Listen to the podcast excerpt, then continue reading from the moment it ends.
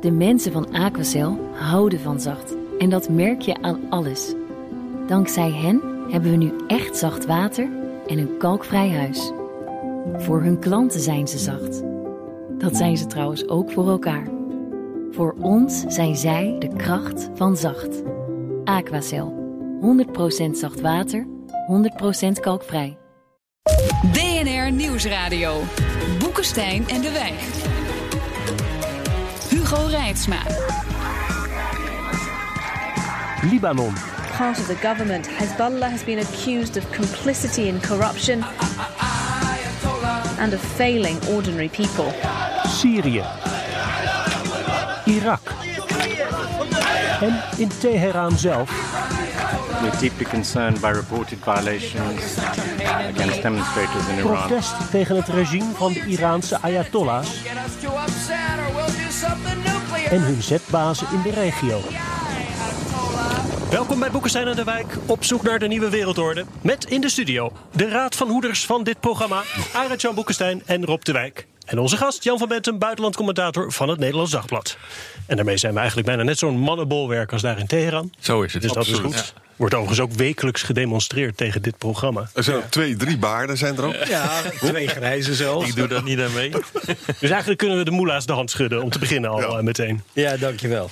En Jan, in Iran doen ze hun best om ons in het duister te houden over wat daar allemaal gebeurt. Met het internet afsluiten en zo. Maar jij kan ons vast een beetje schetsen wat er daar nou eigenlijk gebeurt. Nou ja, er is ontzettend veel nieuws over wat er gebeurd is in de protesten. Met name ook in de staatsmedia. Die besteden daar vreselijk veel aandacht aan. Als je vars nieuws pakte van eh, bijvoorbeeld donderdag. Dan was zo'n 80% van de berichtgeving ging erover. Terwijl ze officieel zeiden, ja, de protesten zijn nu eh, ten einde. We hebben er een goed antwoord op gevonden. Nou, dinsdag zou dat al zijn gebeurd, maar je ziet dus dat het wel doorloopt. En er zijn ook berichten dat er, en die komen van buiten. hè, niet alle delen van het internet in heel Iran lagen plat. En zeker één provincie is het alweer vrij snel hersteld. Ook na druk van buitenaf, Europese Unie bijvoorbeeld, VN. Ehm, en dan zag je dat, eh, ook al zeiden ze dat de protesten voorbij waren, zeker tien, pro- tien steden ze wel doorgingen. En inmiddels eh, was het geloof ik Amnesty dat zei, zeker 100 doden. Ja, anderen spreken zelfs over 234 al. Eh, dus dat, dat aantal van ruim 100 doden, wat Amnesty noemt, lijkt aan de lage kant te zijn. Maar Je zei net dat er een oplossing was eh, gevonden. Althans, volgens, eh, laten we zeggen, de Ayatollahs. Wat is die oplossing dan? De oplossing was keihard erop ingaan. En, eh, Oh ja, ja. Ik dacht lagere bekende- benzineprijs, maar... De bekende dat is- methodiek. ja. Nou, daar hebben ze wel iets aan gedaan. Kijk, er is nu een eh, verhaal in doet de ronde van ja, die benzineprijzen moesten worden verhoogd, want die lage prijzen zijn een gevolg van een zware subsidie op de brandstof. En daar profiteerden vooral de rijken van, want die hebben een auto en de armen hebben dat niet. Dus die benzineprijzen, daar moeten ze maar de flinke, hè, de volle map voor betalen bijna. Dan kunnen wij dat geld dat we uitsparen aan de armen geven. Eh, in werkelijkheid maakte de commandant van de Iraanse marine eh, deze week bekend dat Iran zo ongeveer ieder schip dat ze, op zee, dat, dat ze drijving kunnen krijgen de zee op hebben gestuurd. Hij had het over 64 vlootverbanden die op zee gingen. En de buitenlandse minister Zarif heeft bekendgemaakt dat ze weer een stap terugzetten uit het nucleair akkoord en dus doorgaan met verrijken van uranium. Daar gaan bakken met geld naartoe. Dat is toch prioriteit boven Dat de is armoede? prioriteit. Maar ze zijn wel begonnen beg- deze week met het uitdelen van wat geld aan de armeren. Ja, en als ze dat dan echt zouden willen doen volgens hun richtlijnen, zoals ze dat in de staatsmedia schrijven, dan heb je het over 60 miljoen mensen. Vergeet niet, twee derde van de Iraanse bevolking is afhankelijk op een of andere manier van hulp van de regering, omdat ze het niet rond kunnen breien. Meer. Ja, daar gaat echt veel geld naartoe. Hè? Ik bedoel, er gaat Ja. wel wat geld eh, naar de kernwapenprogramma. Maar als je echt kijkt eh, waar het echte geld naartoe gaat, zijn het dit soort eh, activiteiten. Hoe hou je je bevolking rustig? Maar ook hoe koop je bijvoorbeeld de loyaliteit van landen als Libanon en Irak? Ja, dat, daar dat is veel daar- meer. Ja, daar gaat veel geld in eh, zitten. Ja, Ja, ga je niet aan, aan je eigen bevolking eh, besteden. Nee, ja, dit, bijvoorbeeld dat geld wat dan eh, nu naar de mensen toe zou gaan, dan praat je over enkele honderden miljoenen Ja, maximaal dat geld? dollars. En dan, ja, als je gaat kijken naar de wapensteun die ze hebben gegeven aan bijvoorbeeld Syrië, dan gaat het over miljarden. Ja, exact. En waar gaat het de demonstranten dan precies om? Waar roepen zij, wat roepen zij op straat? Nou, wij denken dat er nu demonstraties zijn, maar eigenlijk zijn ze nooit helemaal weg geweest. Vorig jaar waren de demonstraties in de zomer, maar zeker in het voorjaar, februari 2018, waren al heel omvangrijk. In 2017 waren er demonstraties. In 2009 hadden we de Groene Marsen, weet je wel. Echt heel veel mensen op straat. Nou, dat werd al vrij stevig onderdrukt. Maar zelfs in 1999 zijn er al omvangrijke studentenprotesten geweest. Waarbij ook enkele eh, honderden studenten voor langere tijd achter de tralies zijn verdwenen en zo niet meer. Dus het komt steeds terug. En 99, 2009, 2019. Je zou bijna kunnen zeggen, we hebben het over een tienjaarlijkse cyclus. Maar je ziet dat nu een jaarlijkse cyclus aan het worden is. Maar wat is de achtergrond dan? Ellende. De mensen zijn er economisch hard op achteruit gegaan. Eh, dat begon al ruim voordat Amerika begon met sancties weer. Hè, voordat eh, president Trump de sancties weer afkondigde. De Iraanse economie draait vooral op de olie- en gasinkomsten. Is te veel erop gericht. Ze proberen dat wel om te zetten, maar dat is nog niet echt gelukt zoals het zou moeten zijn. Dus ze zijn veel te afhankelijk daarvan. Ze spenderen het aan, aan, aan buitenlandse avonturen. Denk aan Libanon, denk aan Syrië. En dat weet de man in de straat weet En dat, dat heel weet goed. de man in de straten heel goed. De En al, buitenlandse politiek die is heel kostbaar. al drie jaar lang wordt bijvoorbeeld geroepen: wat, waarom geef je zoveel geld aan die Palestijnen? Denk aan Hamas en de islamitische jihad. En ook de corruptie. Geef het aan ons. Eh, en er wordt ook geroepen: dood aan de leider, dood aan, Ga- aan Khamenei. Ook deze week weer. Ja. En er zijn opnames uit steden waarin je dat hoort roepen. Er wordt geroepen om gerechtigheid. En dan. Ik, ik begreep die oproep eerst niet, maar bleek dat het gaan om al die doden die er zijn geweest bij het neerslaan van eerder op eh, onrust in 1988. Zijn er zo'n 30.000 mensen eh, naar schatting vermoord door het regime. En vaak zijn ze op een geheime plaats begraven en de mensen willen hun doden terug. Dat wordt ook nog steeds geroepen. En wat ik er zo eng aan vind van de Republikeinse garde... heeft ze nog helemaal niet laten zien, las ik in de krant. Nee. En, en Iran is ontzettend goed in eh, vreselijk hard neerslaan. En we hebben dus nu nog eigenlijk heel weinig gezien. 100 doden, duizend mensen gevangen, waarschijnlijk meer. Mochten er dus nu mensen zijn die nog de straat op gaan... dan gaan we wat meemaken. Ja, en eh, dat hebben ze al voorbereid. Eén, door die Bajiza op te, eh, op te roepen, te mobiliseren. Maar twee, ehm, zowel Rouhani als ook eh Khamenei... als ook eh, eh, politiecommandanten en de minister van Justitie... hebben allemaal gezegd... de oproerkraaiers... Die waren in dienst van het buitenland. Die bleken banden te hebben met buitenlandse inlichtingendiensten. Die hadden hen getraind en eh, van materiaal voorzien om de infrastructuur van de steden te vernietigen. Nou, dan beticht je ze dus van hoogverraad, van spionage voor de vijand. Eh, de namen werden ook ingevuld. Ameri- ophangen. Amerika en Israël. Er zijn mensen opgepakt die hadden een dubbele nationaliteit volgens de politie. En er zaten Duitsers tussen, Turken, Afghanen. En dan mag je ze inderdaad wegens dat soort zaken. Maar dat is natuurlijk in belangrijke mate om te verbloemen dat het hier gaat om een dysfunctioneel eh, regime. Dat niet in staat is om zijn eigen land eh, te leiden. Nee, maar daar is wel heel veel nadruk op gelegd. Ja. Eh, heel veel berichten eh, deze week gingen daarover. En dat geeft wel aan dat A, ze bang zijn dat er weer eh, demonstraties komen. En dat B, ze aangeven van jongens, je wordt bestempeld tot verrader. En je gaat voor jaren de bak in als je geluk hebt. Ja, en hoe zit het in al die andere landen, zeg maar onder de Iraanse invloedssfeer? Irak, Syrië, Libanon.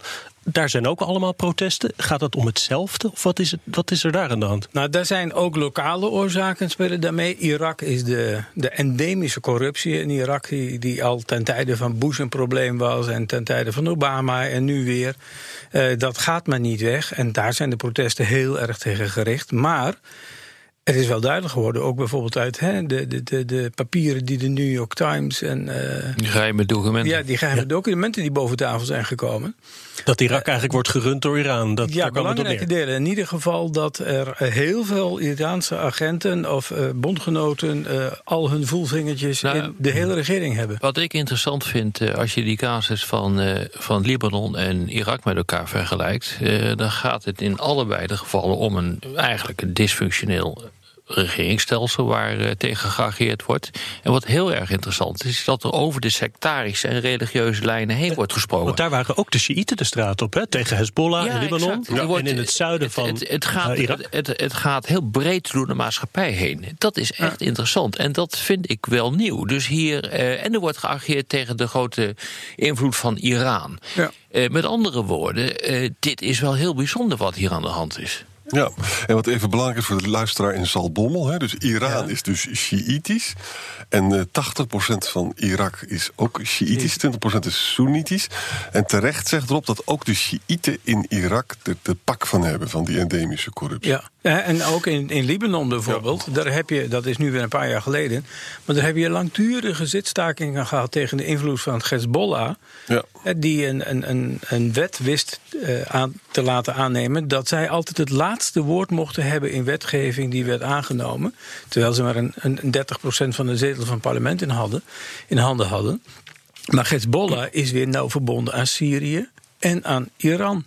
Hezbollah wordt gefinancierd door Iran nu, want Syrië kan niet zoveel meer financieren. En om het nou nog iets ingewikkelder te maken, Ah ja, heeft ga je gang. eh, altijd daar lukt dat makkelijk. Heeft Israël nou weer Iraanse doelen in Syrië gebombardeerd? dat, is, dat is een uitvloeisel van het grote Iraanse avontuur om de machtigste, het machtigste land in de regio te worden. En vergis je niet, er is net een Pentagon-rapport verschenen dinsdagnacht. Eh, dat zegt van Iran heeft de sterkste raketmacht van alle landen in de regio, inclusief Israël.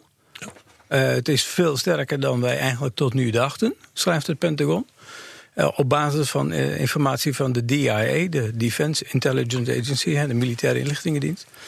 Maar Iran heeft veel groepen in Syrië bewapend en ook in Libanon met het doel Israël aan te vallen. En Hezbollah beschikt naar schatting over ruim 100.000 raketten, waarvan tienduizenden geleide raketten zijn, dus precisieraketten die steden als Haifa en dergelijke kunnen eh, raken met heel nauwkeurige doelen daarin. Bijvoorbeeld de chemische installatie in Haifa in de haven is afgebroken omdat het daar niet veilig genoeg meer was.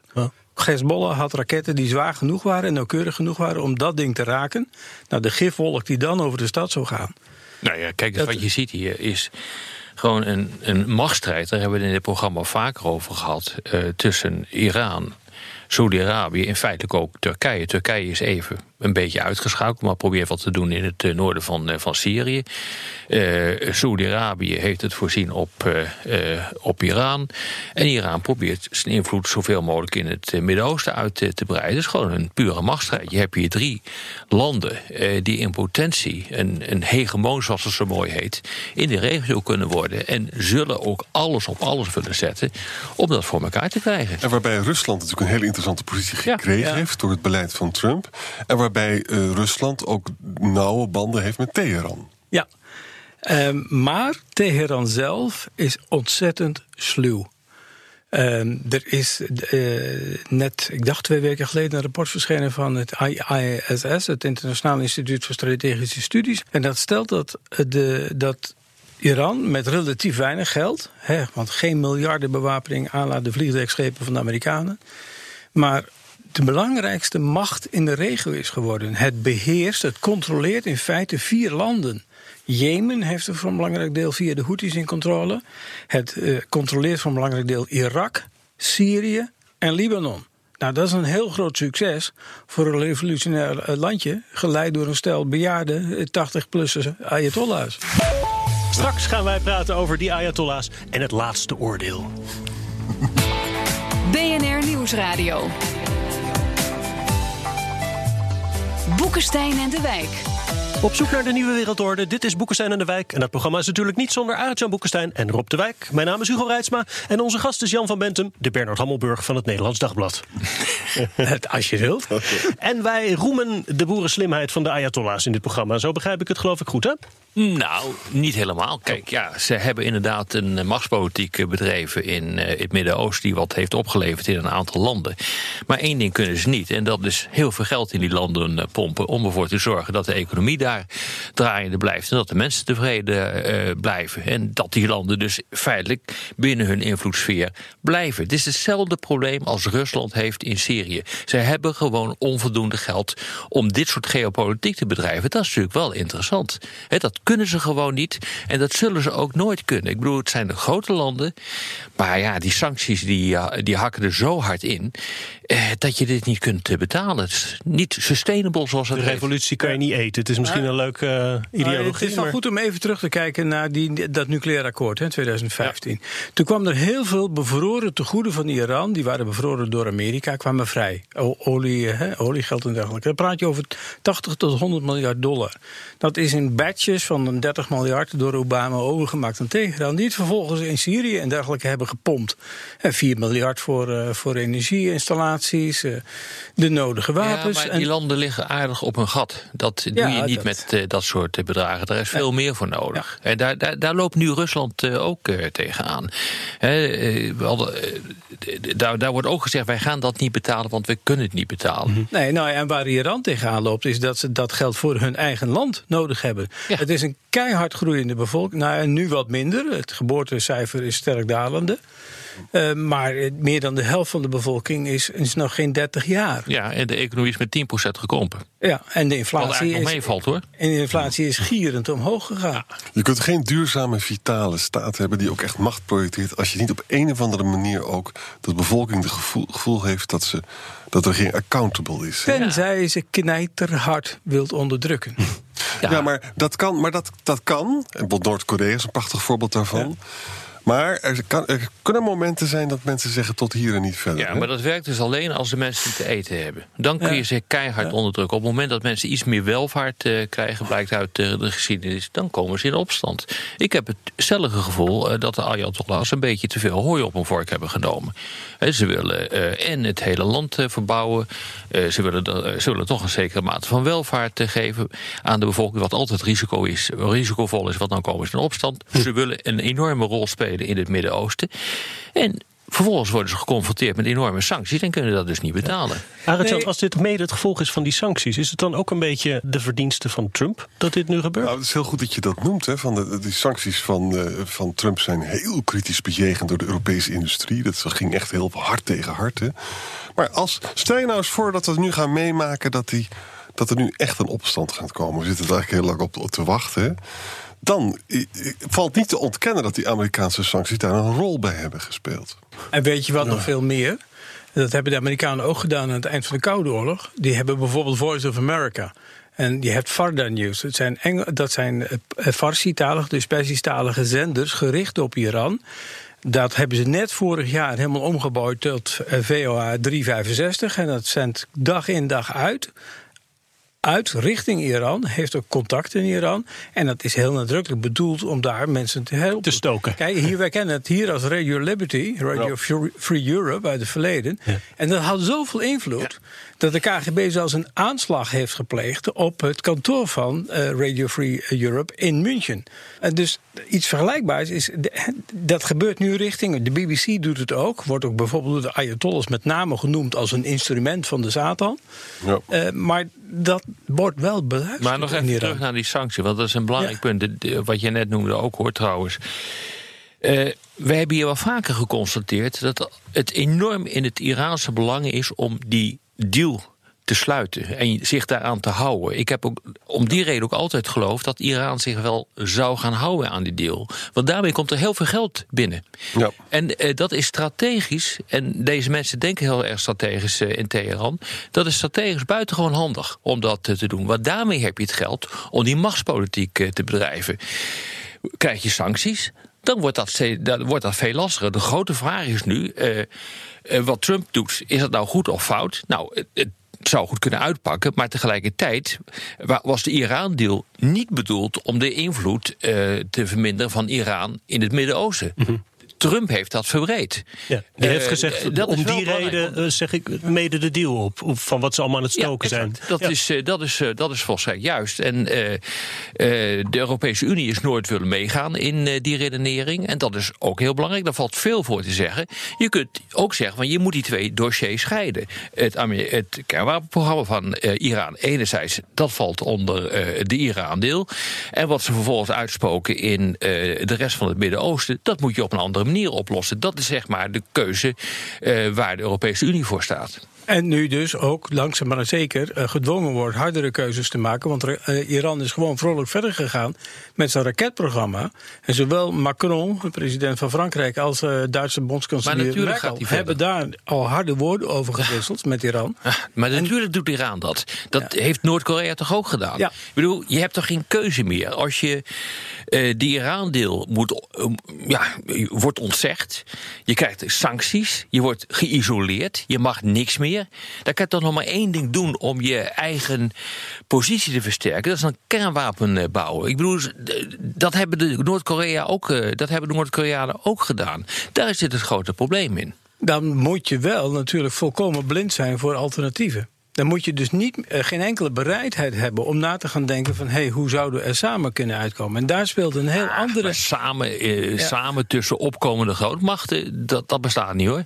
Nee, maar hier speelt natuurlijk ook nog sterk een religieuze component. Hè? Ja. Van hoe denken die leiders? En daar kunnen we het straks misschien nog wel over hebben. Want dat is een Maar- hele belangrijke Maar factor. misschien eerst nog even voordat we in de theologie gaan. Even praktisch. Kan het lukken, die opstand? Regime change? Kan dat werkelijk Nou, gebeuren? Of staat het regime te sterk? Ik heb hier een lange preek van eh, de opperste leider van Iran, eh, Ayatollah Khamenei. En eh, die zegt daar, dat was begin dit jaar, hij zegt: We hebben een bevolking van 36 miljoen mensen tussen de 14 15 en 40 jaar. Waarvan bijna 14 miljoen mensen met een hoog, ople- met een hoge Ja, eh, dat is slecht opleidingsdiploma. Nieuws, slecht nieuws voor stabiliteit. Dat is. Die mensen hou je op een gegeven moment niet meer in de pocket. Die Nou ja, mensen gaan nadenken. dat- die mensen dat- hebben kennis en contact om na te gaan denken. Maar het hoeft niet. Dat hangt ervan af hoe eh, effectief eh, de repressie is. Ze doen het wel. Maar dan moet je eens met de Israëli's praten. Dat is heel interessant. Iran en Israël zijn natuurlijk nu aardsvijanden. Maar wat zeggen veel Israëli's? Van ja, verdraaid. Stel nu dat dat Ayatollah-regime opkraast. Het zijn hoogopgeleide mensen. Het is een, een, een beschaving. Het is een cultuur met een enorme beschaving erachter. Ze lijken heel erg op ons. Iran zou wel eens een van de meest democratische landen van het Midden-Oosten kunnen worden. Een voorbeeld voor de regio. Nou, dan, Hoezo hele- lijken ze op elkaar? Wat bedoel je daarmee? Nou, qua cultuur, qua, qua psyche, qua houding. Er was voor Heel de val van de Shah... trouwens. Ja, er was voor de val van de Shah, Shah in 1979 veel contact tussen Iran en het Westen. Het was een trouw bondgenoot van, een, eh, van Amerika, maar ook een goede vriend van Israël. En dus Israël, veel Israëli's denken van, joh, weg met dat, dat Ayatollah-regime. Die Iraniërs zijn Ah. het soort mensen waar we zaken mee kunnen doen. Dat is een gevaarlijke redenering hoor. Want dat, eh, eh, dat vonden mensen dat Xeni ook eh, toen ze het nodig vonden om in Irak binnen te vallen. Ja. We hebben gezien wat daar gebeurt. Ja, je gebeurd hebt, is. je hebt Dus- twee generaties gekregen met die, die geïnfiltreerd zijn met compleet ander denken. Exact. Ja. Ja. Weet je, vroeger bij die opstanden, dat las ik allemaal stukken... en dan uiteindelijk zeiden mensen dan van... ja, de Iraanse jeugd is uiteindelijk toch meer geïnteresseerd in feesten... dan om echt de straat op te gaan. Hè? Is dat discours veranderd? Is het nu zo dat mensen echt kwaaier zijn? Je kunt niet meer feesten, daar heb je het geld niet meer voor. Er zijn de middelen niet meer voor.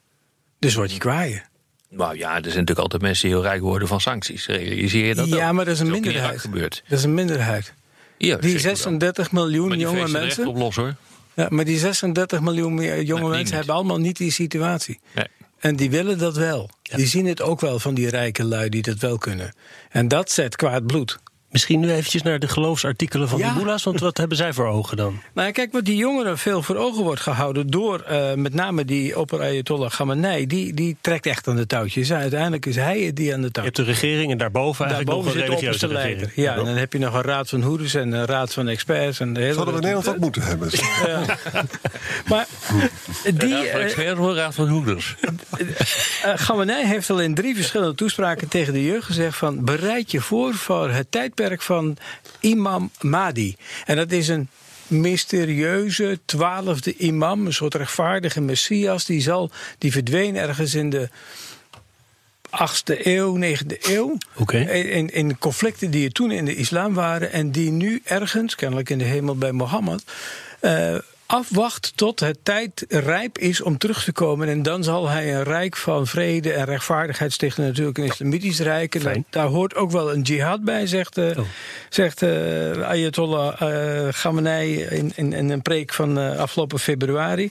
En hij heeft ook al eerder gezegd, die tijd is nabij. Dat riep je in Wat wil je 2017 nou al. zeggen? En vinden die jongeren dat een lekker idee? Dat, Dat de vinden ze helemaal geen lekker idee.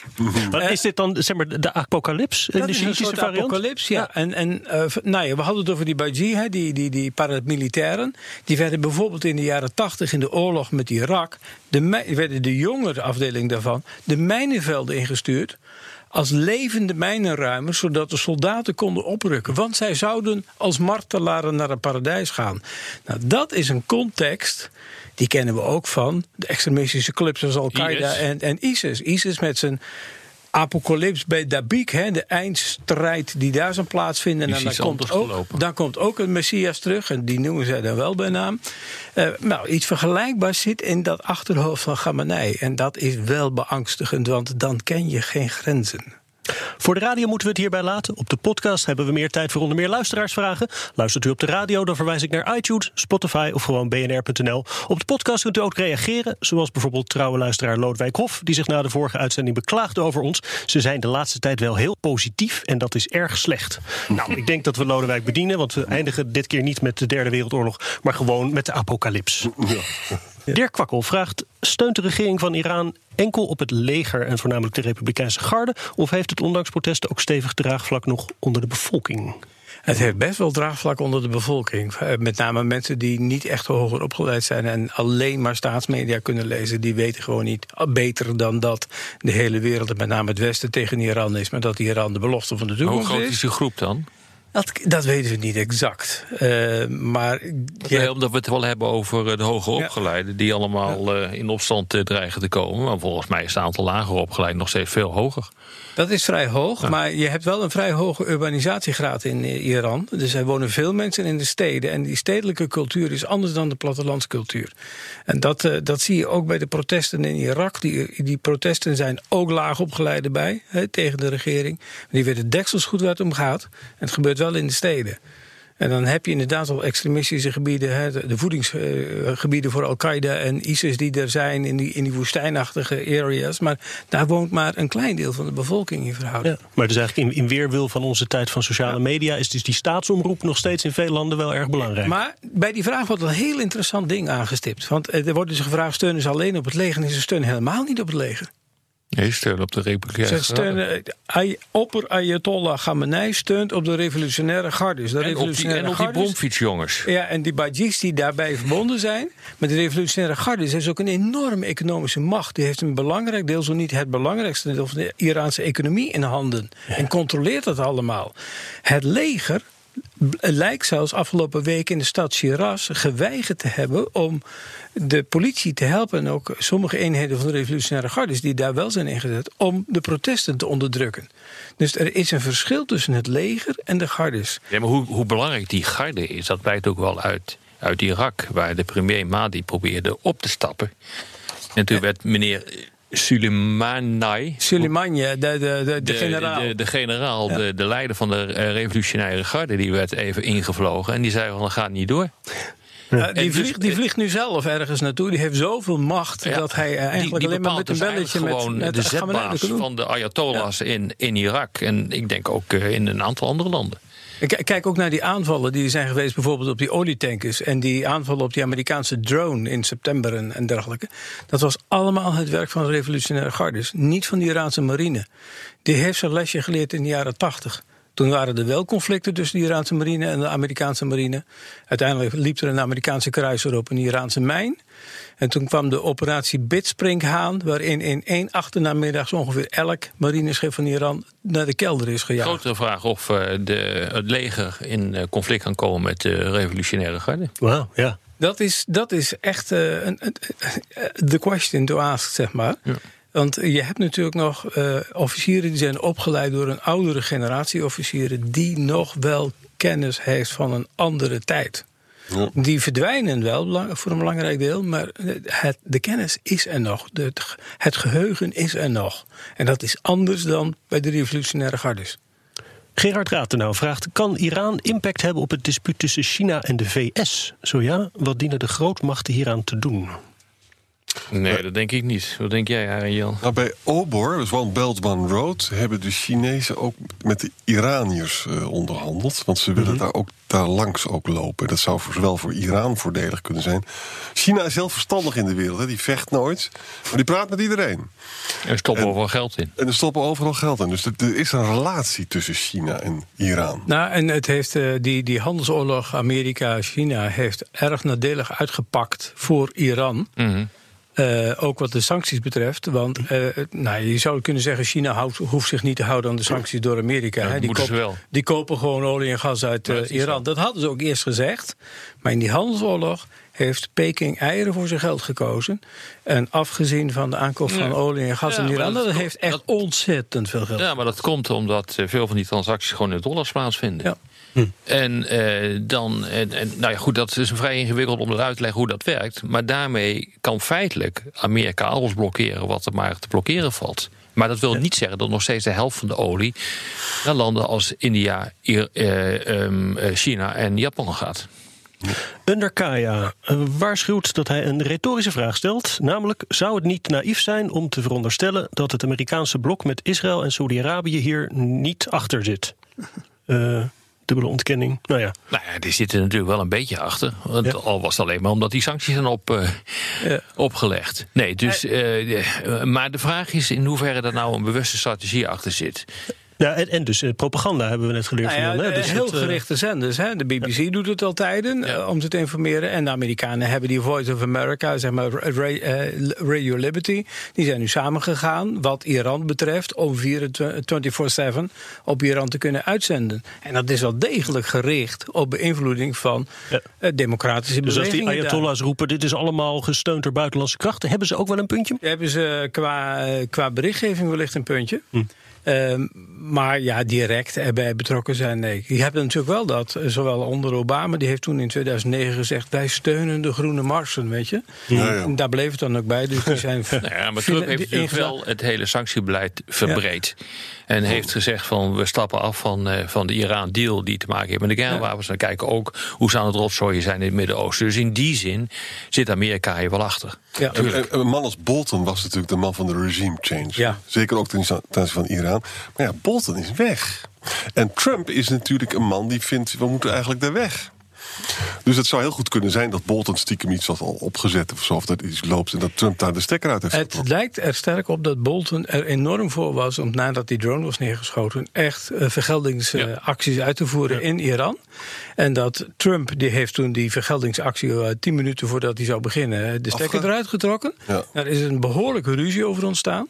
Eh, en Trump heeft gedacht van ja, joh, maar ik wil geen oorlog. En jij wil wel oorlog. En that's the decisive moment. You go, John. Vraag van Pierre Dubonnet. Waarom zijn we Iran niet dankbaar als onze bondgenoot tegen het Soenitische ISIS? De meeste problemen met islam in het Westen, te beginnen met 9-11, komen uit de Saoedische tent. Nou, dat klopt niet. Hè. We hebben namelijk zowel een probleem met de Soenieten als met de Shiiten. Dat is de waarheid. Hè. Kijk, Saoedi-Arabië heeft ook allemaal vreselijke dingen gedaan. Maar, maar Iran heeft, doet heel veel kwalijke dingen in de wereld. hoor. Ik bedoel, zeker in het Midden-Oosten. Tot in. Nederland toe. Hè. Er zijn moorden uitgevoerd in Nederland op Iraanse dissidenten door Iraanse agenten en in München. En eh, zijn in Frankrijk was er een aanslag gepland eh, in Parijs. Die is eh, vereideld door een laatste arrestatie. Ik dacht in België. Hij steunt volop eh, Assad van Syrië. Ja. Ook dat. De, de, grootste moordenaar in Syrië met. eh, nou ja, de laatste cijfers waren iets van 190.000 burgerdoden op het konto van Assad en 5600 Nou, op het konto van ISIS. mag wat een kosten kleine hoor in de wereld. eh, kennelijk voor, die, voor de Ayatollahs. Ja. Laatste vraag van eh, Harold van Bracht. Als de Ayatollahs verdwijnen, ontstaat er dan één grote sectarische burgeroorlog in Iran, Irak en Libanon. Dan zijn we nog verder van huis. Nou, dat zou wel eens kunnen, want je, eh, dat soort, eh, dat is een goede vraag, hè? Eh, dit soort eh, buitenlandse inmenging, waarbij één groep echt daadwerkelijk wordt gesteund en daardoor macht krijgt, houdt ook de deksel op de pan. Dat wil nog niet zeggen dat het per definitie explodeert als die deksel eraf gaat. Maar in, in, in verdeelde samenlevingen is het wel belangrijk dat die deksel erop blijft te zitten. Dus op het moment dat je eraf gaat, om wat voor reden dan ook, heb je een probleem. Dus het zou kunnen. En zeker als dat deksel erop wordt gehouden door repressie. Ja. Hardvochtige, moorddadige repressie. Dat wakkert wraakgevoelens aan. En de erfenis van zo'n repressief regime is vaak geweld. Dit was weer Boekenstein en de Wijk. In afwachting van het laatste oordeel. Namens Arend-Jan Boekenstein en Rob de Wijk zeg ik dank voor het luisteren. Speciale dank aan Jan van Bentem. En tot volgende week. داغونه داغونه دارم دلشوره می‌گیرم. یه کاری با دلم کردی که حتی از خودم از خودم از خودم سیرم. دلم بچه داغونه داغونه داغونه دارم. دلشوره می‌گیرم. یه کاری با دلم کردی که حتی از خودم از خودم از خودم سیرم.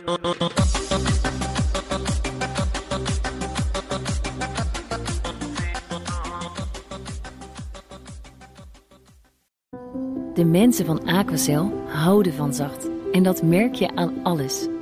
Dankzij hen hebben we nu echt zacht water en een kalkvrij huis. Voor hun klanten zijn ze zacht. Dat zijn ze trouwens ook voor elkaar. Voor ons zijn zij de kracht van zacht. Aquacel. 100% zacht water, 100% kalkvrij.